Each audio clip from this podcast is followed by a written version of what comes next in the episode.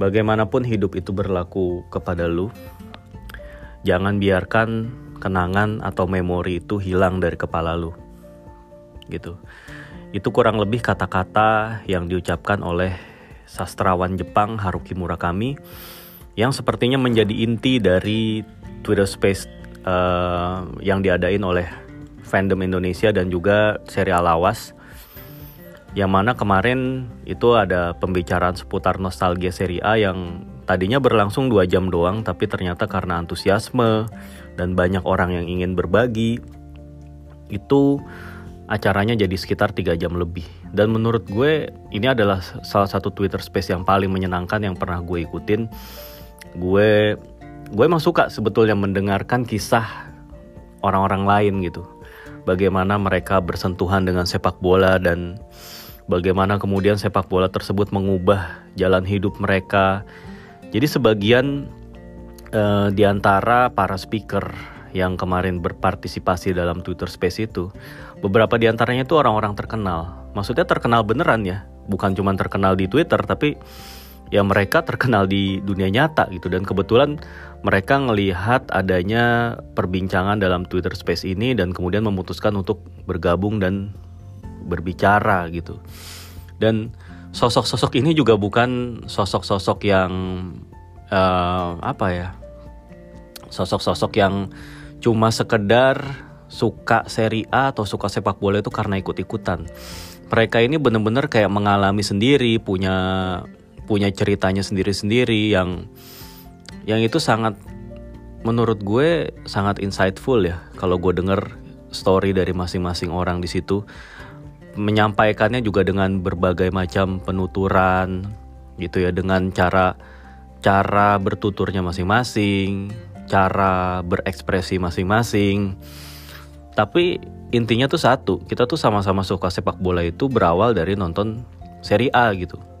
Ada orang yang emang dari awal nonton Milan udah suka sama Milan. Ada juga yang awalnya nonton tim lain dulu, baru kemudian beberapa lama kemudian suka sama Milan gitu.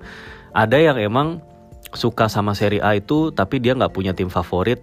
Ya dia itu benar-benar suka sepak bola Italia doang. Dia nggak milih tim favorit di situ. Dia enjoy uh, most of the games dan memperhatikan banyak pemain gitu. Dan rata-rata ketika ditanya siapa pemain favoritnya itu susah ngejawabnya pada saat itu. Karena emang Serie A itu memorable banget dan uh, seperti kata Mas Hedi salah satu speaker kemarin yang juga mentor gue dalam menulis dulu ya. Um, pemain-pemain yang pada kalanya seri A itu jadi liga terbaik ya tahun 90-an 2000-an awal ya. Para pemain-pemain itu itu punya karakternya sendiri-sendiri gitu. Bahkan pemain-pemain dari tim kecil itu juga banyak yang menyeruak jadi bintang atau jadi pemain-pemain yang sangat berpengaruh dan juga punya cerita sendiri gitu. Jadi seri A 90-an itu bukan ya udah pasti orang mostly ngebicarain Gabriel Batistuta. Kayaknya semua orang sekalipun bukan tifosinya Fiorentina itu sangat-sangat mengakui kehebatan dan bahkan banyak yang mengidolai Gabriel Omar Batistuta. Gitu ya. Ciri khas dia kalau nendang itu kenceng banget ya. Killer insting dia sebagai bomber uh, passion dia terhadap sepak bola gitu sekalipun Batistuta pernah bilang bahwa dia sebetulnya um, apa ya dia kan mengawali uh, karir olahraga dia kan dari basket. Dia tadinya tuh main basket. Tapi kemudian setelah Piala Dunia 78 momen Piala Dunia 78 yang Argentina itu menang itu menginspirasi sebagian besar anak-anak muda Argentina saat itu dan Batistuta salah satu di antaranya dan dia akhirnya menjadi pemain bola. Dia mengawali karir kalau nggak salah di Rosa eh Newell's Old Boy lalu kemudian ke Boca Juniors gitu sebelum akhirnya ditarik sama uh, Fiorentina ya. Gitu sih gitu nggak sih perjalanan karirnya? Gue juga agak-agak lupa gue nggak googling atau nggak nggak ngecek Wikipedia. Gitu dan emang storynya Batistuta ini cuman satu ya satu dari sekian banyak memorable stories gitu yang ada di seri A ya. Dan bukan cuma Batigol itu juga ada cerita-cerita tentang Cristiano Lucarelli yang bahkan sampai rela nggak digaji sama Livorno. Terus kisah uh, tim Perugia yang dibangun oleh Luciano Gauci seorang presiden klub yang rada-rada eksentrik lah ya gitu ya milih pemilihan pemainnya tuh out of the box gitu. Dia pilih apa apa ngejadiin seorang pemain Asia sebagai playmakernya Hidetoshi Nakata dia dia punya back asal Iran Rahman Rezai. Terus uh, siapa namanya? Ada Zemaria ada Milan Rapaik ada kipernya Andrea Mazzantini ada Zisis Fritzas sebagai striker. Itu menjadikan Perugia itu tim yang unik juga pada saat itu. Dan ya jadi cerita-cerita uh, nostalgia Serie A tuh bukan cuman pemain tertentu atau atau tim tertentu juga, tapi ada juga momen-momen tertentu yang susah untuk dilupain ya. Kayak misalnya perayaan Scudetto. Ketika Roma Scudetto itu Roma tahun 2000 atau 2001 sih? Gue juga agak lupa. ya 2001 ya kalau nggak salah ya. Roma Scudetto itu pemain apa supporter uh, dari Roma ketika peluit akhir itu dibunyikan langsung pada masuk ke lapangan dan melucuti pakaian jersey dari pemain-pemain gitu. Dan itu kemarin di diomongin dengan penuh canda tawa juga gitu. Terus di situ juga ada ada Bung Tio Nugroho juga yang juga seorang sportcaster dari era-era tersebut yang dia sendiri bilang pada saat itu TV eh, nasional ya itu menyiarkan uh, pertandingan bukan hanya di pertandingannya doang, tapi maksudnya sampai ke perayaan gelar, penyerahan trofi itu juga ditayangkan gitu. Dan momen-momen kayak gitulah yang bisa jadi nggak didapat sama penonton-penonton zaman sekarang gitu. Dulu tuh RCTI ya terutama ya jadi surganya banget sih. Emang uh, yang membuat kultur uh, sepak bola Italia ya kecintaan terhadap sepak bola Italia di Indonesia itu emang andil besar dari media ya, baik media uh, media elektronik uh, televisi ataupun juga media cetak seperti tabloid bola, uh, soccer, uh, geo, sportif gitu ya dan juga uh, majalah Liga Italia gitu ya. Terus uh, ya gue kemarin di situ justru malah kebanyakan ditanya soal finansial gitu. Karena mungkin si Hasbi dari fandom taunya gue ngerti finansial gitu. Padahal gue sebetulnya pengen juga ngomongin soal nostalgia gitu. Di mana uh, balik lagi ke soal memori. Ya memori gue tuh masih cukup menampung banyak sekali ingatan-ingatan terhadap kejayaan Serie A pada masa itu. Gue ingat ketika ya salah satu teman di Twitter San Siro Podcast itu nyebut momen Antonio Casano yang nyetak gol ke gawang Inter. Gue itu inget banget. Pada saat itu di menit-menit akhir ya di Stadion San Nicola keduduk, kedudukan masih satu sama. Si Simone Perota ngelepas umpan lambung gitu yang dikontrol sama Casano tuh pakai uh, dengan cara ini ya uh, setengah ya kayak gimana sih ngomongnya tuh uh, pakai heel, saya pakai ngontrolnya pakai mata kaki, bukan bukan pakai tumit, pakai mata kaki dia kontrol bola. Terus dia lari ngegocek si Lauren Blanc ngebobol gawang Fabrizio Veron. Waktu itu kipernya Inter tuh Veron atau Frey ya. Kalau nggak salah Veron ya. Itu yang langsung gempar pada saat itu Serie A itu ketika Bari bisa ngalahin Inter dan um, golnya Antonio Casano tuh fenomenal banget langsung seakan orang tahu wah ini calon pemain gede nih first touchnya elegan banget. Ya finishingnya tuh tenang banget cepat banget gerakannya gitu. Ya walaupun kita kemudian tahu seperti apa karirnya si Fantanito gitu ya. Ya anyway ya cerita-cerita menarik kayak gitu banyak ya Dario Hubner yang masih suka minum-minum sebelum tanding minum minuman yang namanya grappa gitu ya. Eh, si Dario Hubner itu kan karyawan pabrik ya awalnya tuh main bola ya main bola di seri klub seri D klub amatir gitu.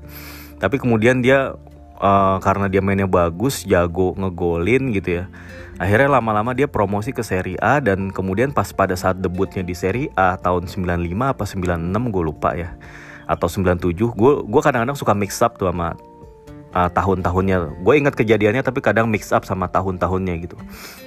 Jadi, jadi Dario Hubner itu nyetak gol ke gawang Inter di stadion Giuseppe Meazza gitu ya. Lalu kemudian Inter berbalik unggul lewat uh, dua tendangan bebas dari Alvaro Recoba. Jadi Recoba itu waktu itu steals the show gitu ya. Dia, he stole the show yang supposed uh, supposed to be uh, belongs to Ronaldo. Waktu itu kan Ronaldo Luis Nazario juga debut ya dan uh, fans itu udah nunggu-nunggu debutnya Ronaldo pas lawan Brescia gitu. Tapi kemudian Ronaldo itu mentok nggak bisa ngegol-golin. Akhirnya Rekoba yang malah jadi bintang gitu.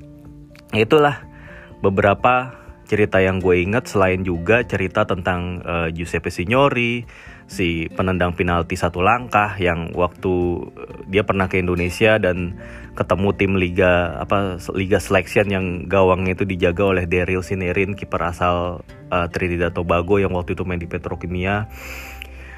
Signori ini juga pernah dia taruhan sama seorang wartawan bahwa dia sepanjang karir akan bisa mencetak 200 gol di Serie A tapi ya kemudian BP Signori itu nggak nggak bisa mencapai 100 eh apa 200 gol itu. Dia 100 berapa lah gue lupa gitu. Dia kalah taruhan lah intinya gitu. Dan um, apalagi ya cerita-cerita menarik. Ya seperti yang tadi gue bilang tim-tim uh, tim-tim kecil itu pun juga punya banyak pemain bintang yang uh, punya cerita menarik ya. Cristiano Doni dulu di Atalanta dominan banget Terus Domenico Morfeo juga uh, sempat main di Atalanta. Pipo Inzaghi waktu main di Atalanta tuh jago banget. Ya Pipo Inzaghi lu bisa lihat kompilasi video YouTube Pipo Inzaghi pas lagi main di Atalanta. Itu gol-golnya tuh nggak kayak gol-gol yang kayak kita kenal pas dia di Juve atau di Milan. Ya gol-golnya Inzaghi tuh banyak yang ngegocek-gocek nendang kenceng. Uh, bahkan ada satu dia nendang uh, ngegolin pakai tendangan bebas gitu nah Pipo Inzaghi ini adalah salah satu contoh striker yang uh, beradaptasi dengan uh, tuntutan strategi gitu. Jadi kan waktu di Atalanta kan Pipo Inzaghi ini emang jadi tumpuan utama ya. Dia nggak punya banyak uh, penyuplai dari lini tengah sehingga dia banyak nyari bola sendiri. Dia gerak dari sayap, dia jemput bola dari tengah, maka skillnya itu kelihatan banget pada saat itu. Cuman kan begitu dari Atalanta dia dibeli Juve di belakangnya itu kan ada Zidane, ada uh, ada Edgar Davids, ada siapa? Ada Del Piero juga gitu. Yang mana dia nggak perlu lagi ngejemput bola terlalu dalam ke bawah, dia tinggal kayak menyelesaikan serangan aja gitu dan dari situlah Pipo Inzaghi itu uh, mengubah kayak mengubah sedikit gaya permainannya dan kemudian dikenalah Inzaghi seperti yang kita kenang sekarang gitu pemain yang jago banget meng apa namanya mengakali perangkap offside lawan gitu. Dan ada juga sempat yang ngomong ya ya Bang Kemal Pahlevi ya seorang uh, penyiar radio yang ternyata juga fans Milan. Itu dia bilang uh, Pipo Inzaghi kalau main bola zaman sekarang mungkin golnya nggak nggak nggak banyak sekarang nggak legend kayak sekarang gitu nggak nggak selegend dulu. Karena akan banyak direview oleh VAR dan kemudian ketahuan dia itu sebetulnya offside dan lain-lain ya gitulah karena gerakan Pipo Inzaghi itu cepet banget sampai hakim garis gua rasa tuh sulit untuk uh, apa ya untuk menilai posisi Pipo Inzaghi sebelum bola itu disodorkan gitu. Ya begitu juga Eh, cerita-cerita uh, menarik lainnya ya. Itu transfer itu juga kemarin uh, karena banyak yang ngomong dan gantian gue nggak sempet cerita soal transfer pemain yang gue sesali itu ada satu ya. Mungkin gue pernah cerita juga sebelumnya di sini atau atau gue pernah nulis juga gitu ya. Jadi uh, Milan itu kan pernah beli Christophe Dugari dari Bordeaux. Itu terjadi setelah Milan disingkirkan oleh Bordeaux dalam pertandingan perempat final kalau nggak salah perempat final Piala UEFA tahun 96 apa 97 ya itu ya. Pokoknya tahun-tahun segitulah. Nah um, pada saat itu emang Dugari nyetak dua gol ke gawang Milan yang kemudian membawa Bordeaux itu melaju sampai ke sampai ke final malah. Dia dia akhirnya kalah sama Bayern Munchen apa di final? Gue lupa ya. Tapi yang jelas Milan itu uh, scout Milan itu pada saat itu kesengsem sama Christophe Dugari gitu. Tapi padahal pada saat itu ya ada satu pemain lain yang fenomenal yang satu tim sama Dugari tapi justru malah nggak dibeli Milan yaitu Zinedine Zidane. Dan sebagaimana kita tahu kemudian Zinedine Zidane end up di Juventus dan kemudian dia jadi pemain terbaik dunia di situ bersama Juventus. Tapi memang ya saat itu emang sulit sih kalau ngebayangin Zidane itu ke Milan karena pada periode itu Milan itu masih punya pemain kayak Boban gitu ya di posisi playmaker nomor 10 gitu. Jadi kayaknya emang pada saat itu uh, prioritas Milan itu bukan terletak pada gelandang serang nomor 10 tapi melainkan striker nomor 9 gitu ya. Dia kan maunya tuh jadi penerusnya George Weah kalau gua nggak salah ingat gitu ya. Eh, iya bukan sih gue nah itu dia gue kadang-kadang suka mixed up sama suka ketukar-tukar sama tahunnya kan George Weah dulu sih yang datang sebelum kemudian Christoph Dugari gitu tapi ya itu gue juga baru bertanya-tanya lagi ngapain lu udah punya George Weah lu beli Christoph Dugari gitu ya anyway itu emang salah satu cerita lah gitu ya terus uh, cerita menarik lainnya itu adalah ada ada tim-tim seperti uh, Messina, Ascoli uh, yang sebelumnya tuh jarang main di Serie A tapi uh, sesekali mereka tuh muncul di Serie A. Begitu juga Catania ya di Gli Elefanti sekarang udah bangkrut kayaknya Catania. Dan tim-tim itu tuh punya pemain-pemain yang juga cukup dikenal ya. Messina itu ada namanya Alessandro Parisi. Dulu mungkin lo ingat namanya Alessandro Parisi itu uh, dia itu sempat ya media itu lebay ngejulukin dia Roberto Carlos dari Sicilia. Wah, gila. Bombastis banget julukannya. Dia emang si Paris ini back kiri dan dia itu punya tendangan kaki kiri yang keras gitu. Jadi kayaknya kalau dia tuh kidal back kiri punya tendangan keras, oh Roberto Carlos gitu. Nah, terus ya pas lagi pertandingan sebelum pertandingan Messi lawan Juventus gitu ya. Waktu itu Juve kayak melancarkan cywar uh, dengan menghembuskan berita bahwa mereka mengincar si Alessandro Parisi. Jadi kayaknya dia pengen mereka tuh pengen bikin si pemain jadi kayak hilang fokus di pertandingan dan itu emang benar pada saat itu akhirnya Juve menang lawan Messina gitu dan cerita-cerita kayak gini pemain bintang yang marah ketika nggak dipasang itu juga ada berlaku ke Roberto Baggio waktu itu pelatihnya Bolonya waktu itu si Renzo Olivieri pernah mencadangkan dia ketika Bolonya ketemu Juventus padahal Roberto Baggio itu pengen banget main lawan Juventus kan sebagaimana kita tahu Roberto Baggio itu kan uh, quote unquote ya dia tuh disingkirkan oleh Juventus so, seiring dengan ya mungkin banyak faktor lain tapi ada salah satu faktor pemicu yang cukup besar yaitu kemunculan Alessandro Del Piero ya sebagai bintang muda.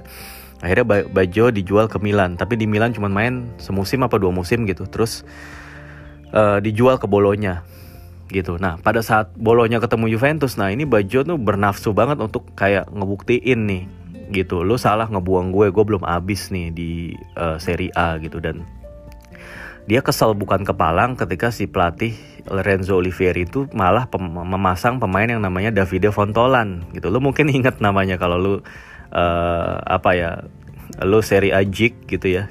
Serie A Geek ya kojik Serie A Geek um, lu mungkin pernah dengar nama pemain ini Davide Fontolan itu sebetulnya pemain gelandang sayap kiri yang fisikal banget gitu ya yang sama sekali nggak teknikal ini pemain dia bener-bener uh, ngandelin postur aja gitu ya. Dan dia itu malah dipasang jadi sayap kiri bukannya si Roberto Baggio yang jadi playmaker di tengah gitu. Dan Roberto Baggio kesel banget dan waktu itu si pelatih beralasan ya ya gue pengen manfaatin kemampuan bola-bola atas si Davide Fontolan. Ya dia emang lebih unggul gue pengen nyerang Juve dari situ gitu. Ya yang mana kemudian Juve itu kalah eh apa Juve kalah. Bolonya tuh kalah 1-3 kalau nggak salah di Stadion Renato del Ara gitu. Ya gitulah. Banyak cerita-cerita menarik lainnya gitu. Um, ketika Batigol uh, nangis abis dia ngebobol gawang Fiorentina pas dia berbaju AS Roma. Dan bagaimana transfer Batigol ke uh, Roma pada saat dia di Fiorentina itu kan juga heboh ceritanya di mana si siapa namanya hmm, manajemen direkturnya Roma waktu itu si Franco Baldini kalau nggak salah ya. Sama Fabio Capello pelatihnya waktu itu. Emang dia itu kayak pengen ngibulin presidennya sendiri Franco Sensi yang bilang katanya kita udah sepakat nih sama Batistuta gitu. Lu harus mau keluarin duit nih buat ngebeli dia gitu.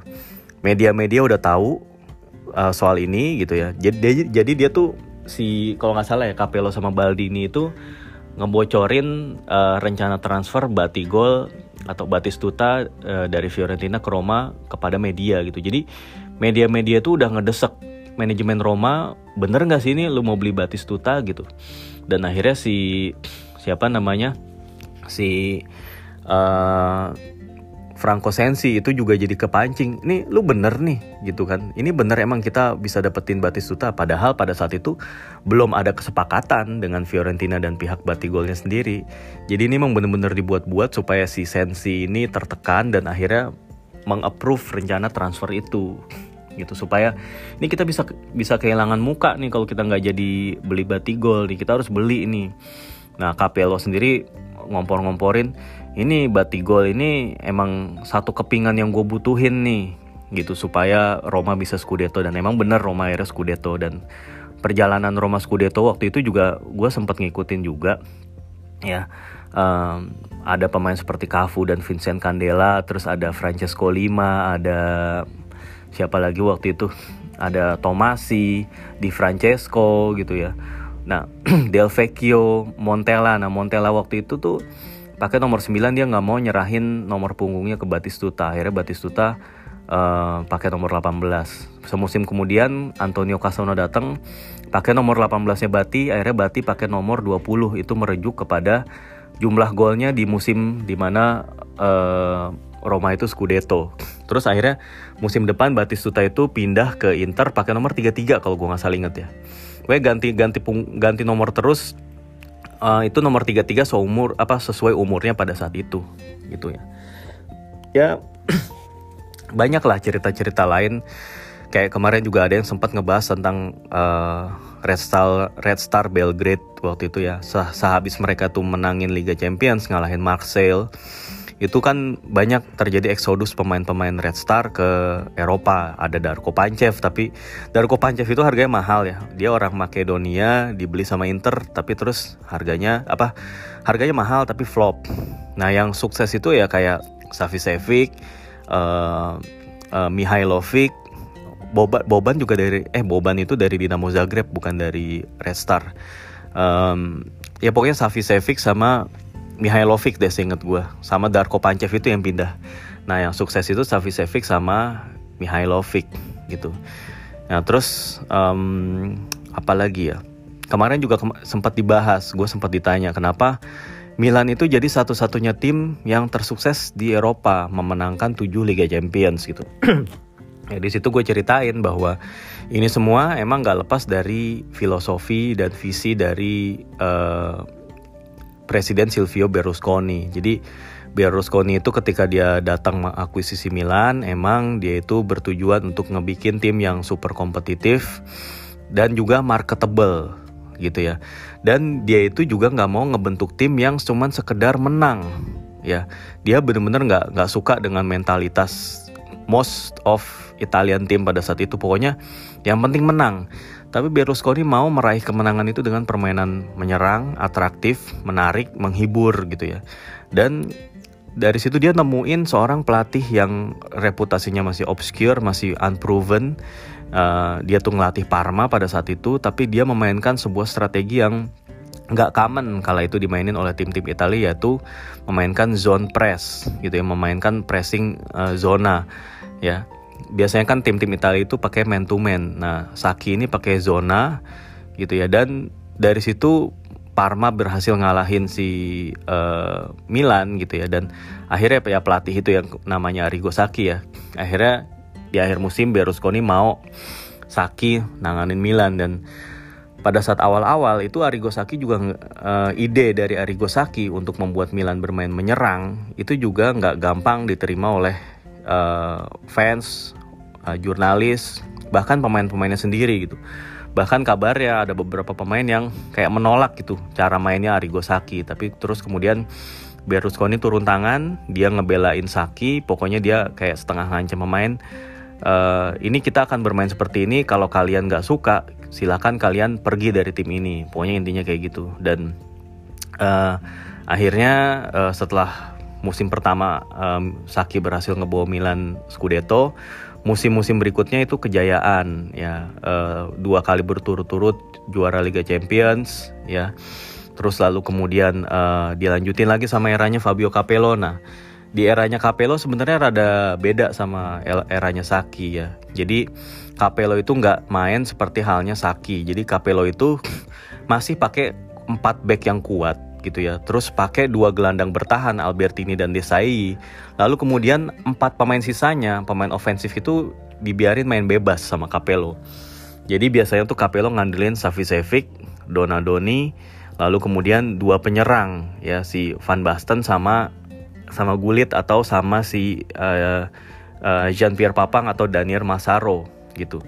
Jadi emang uh, produktivitas Van Basten di era Capello itu lebih jauh melebihi pada saat eranya Saki, di mana Van Basten itu diminta bermain sebagai unit, jadi harus turun, harus ikut ngepres.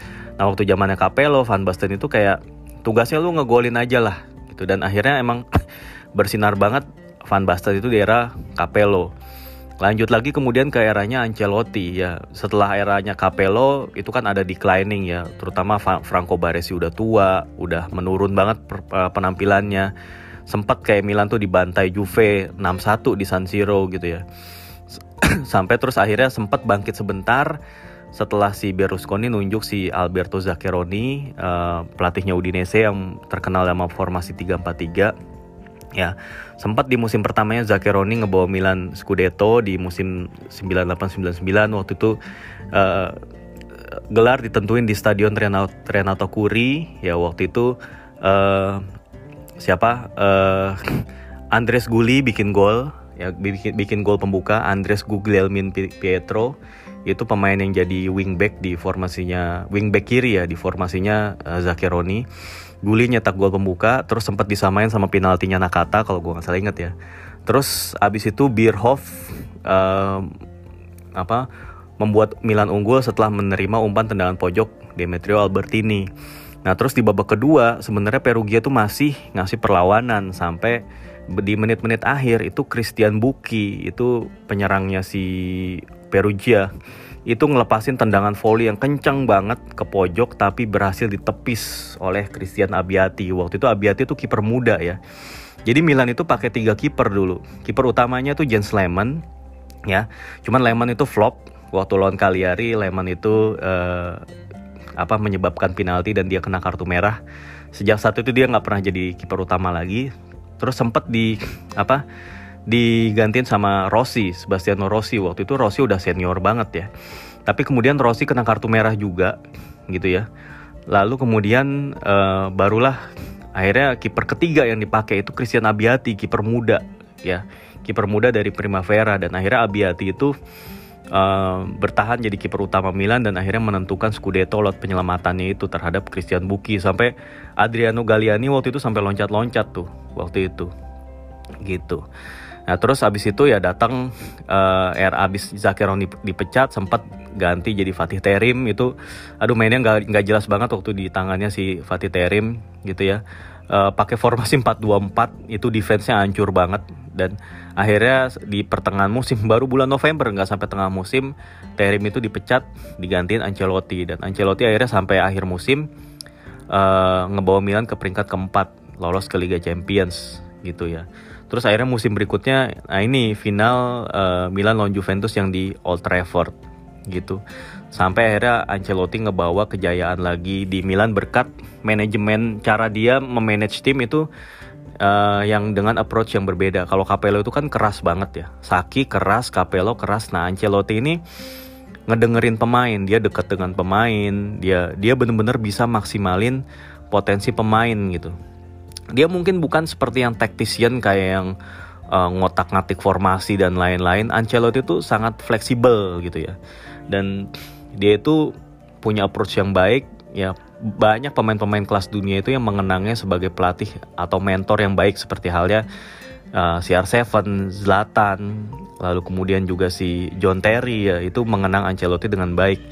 Dan Ancelotti akhirnya dengan bermodalkan manajemen itu yang dari buku biografinya yang berjudul Quiet Leadership itu ngebawa Milan akhirnya dua kali juara Liga Champions gitu. Akhir harusnya waktu era Ancelotti itu menang banyak Liga Champions lawan Liverpool di Istanbul tuh harusnya bisa menang.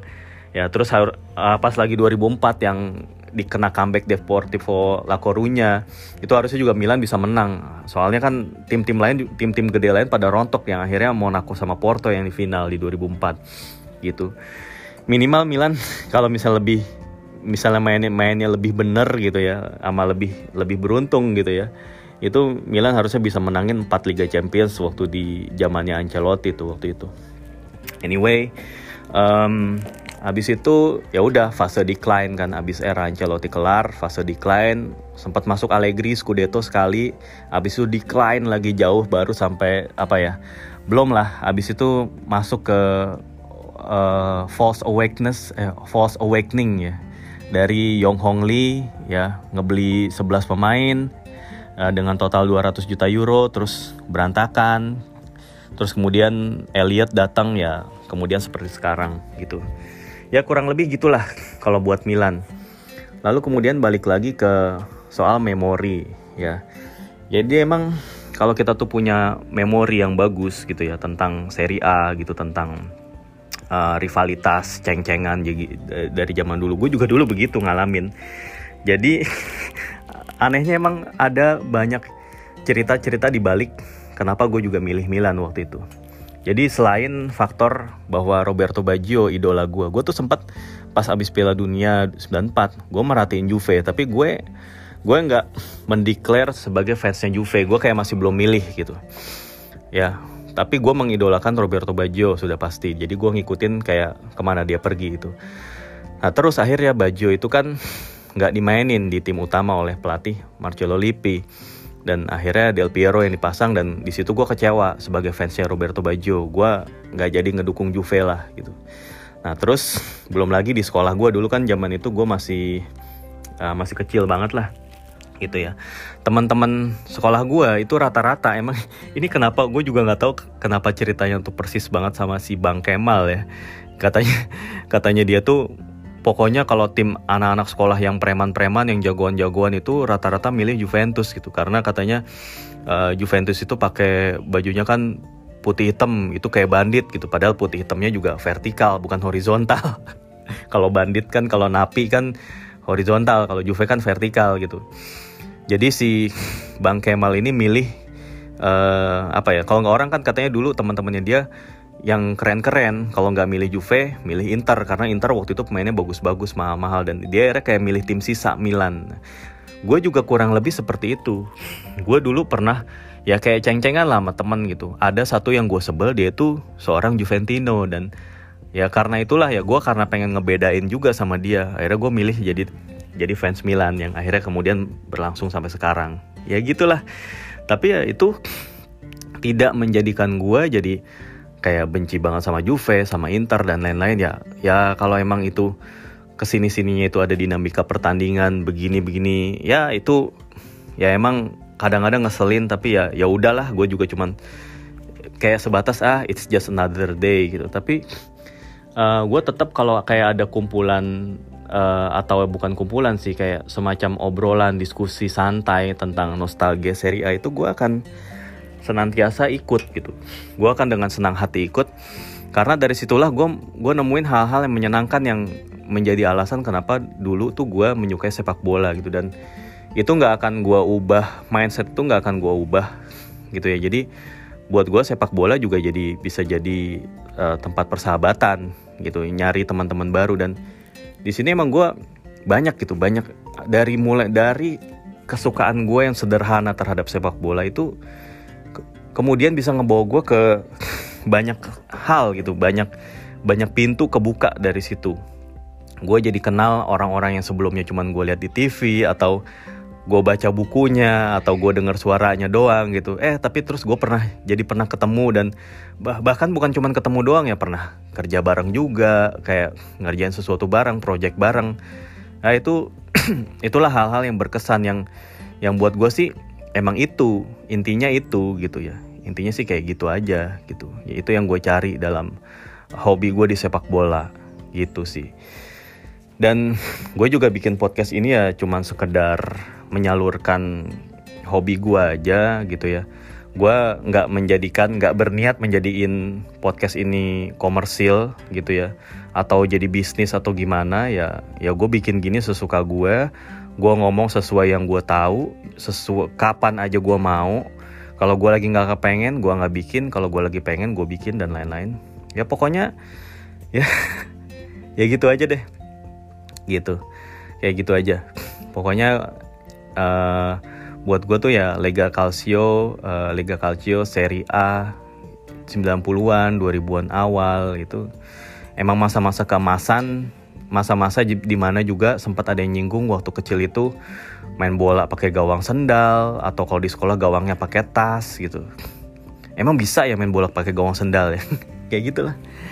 Gitu. Terus uh, gue juga termasuk ini anak yang waktu zaman 90-an itu kan basket lagi menjamur ya cukup menjamur juga dulu di Indonesia waktu zaman zamannya Michael Jordan di Chicago Bulls dulu ya tapi gue karena gue itu juga bukan termasuk anak sekolah yang bagaimana banget gitu anak sekolah yang keren ataupun yang yang gayanya keren lah gitu gue anak yang cupu-cupu aja waktu sekolah akhirnya ya gue nggak merasa sebagai bagian dari tongkrongan itu dan gue milih main sepak bola yang lebih egaliter gitu. Rasanya tuh lebih egaliter.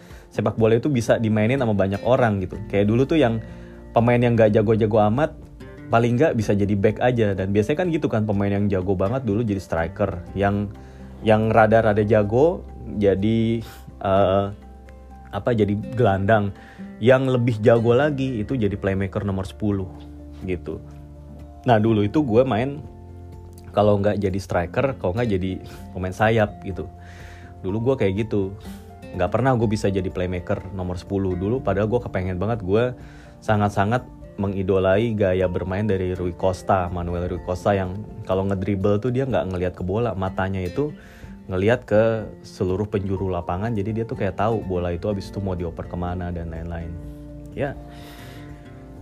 Ya kurang lebih kayak gitulah. Ini mungkin jadi postingan yang sangat-sangat subjektif dan mungkin terdengar sentimental ataupun emosional gitu ya. Tapi ya ya kalau emang begitu adanya ya ya ya udah toh gue juga udah biasa bikin postingan-postingan yang rada-rada serius di uh, entry lain di podcast ini gitu. Jadi emang um, nostalgia ini juga sebetulnya juga nggak bisa kayak dibikin sering-sering atau secara berkala banget menurut gue karena lama-lama basi gitu. Ini emang cuma bisa dibuat di saat-saat yang insidentil yang uh, orang-orang juga pada nggak nungguin tiba-tiba pokoknya ada abis itu udah hilang aja. Tapi abis itu dari situ kita jadi tahu oh ternyata artis ini suka gitu sama seri A.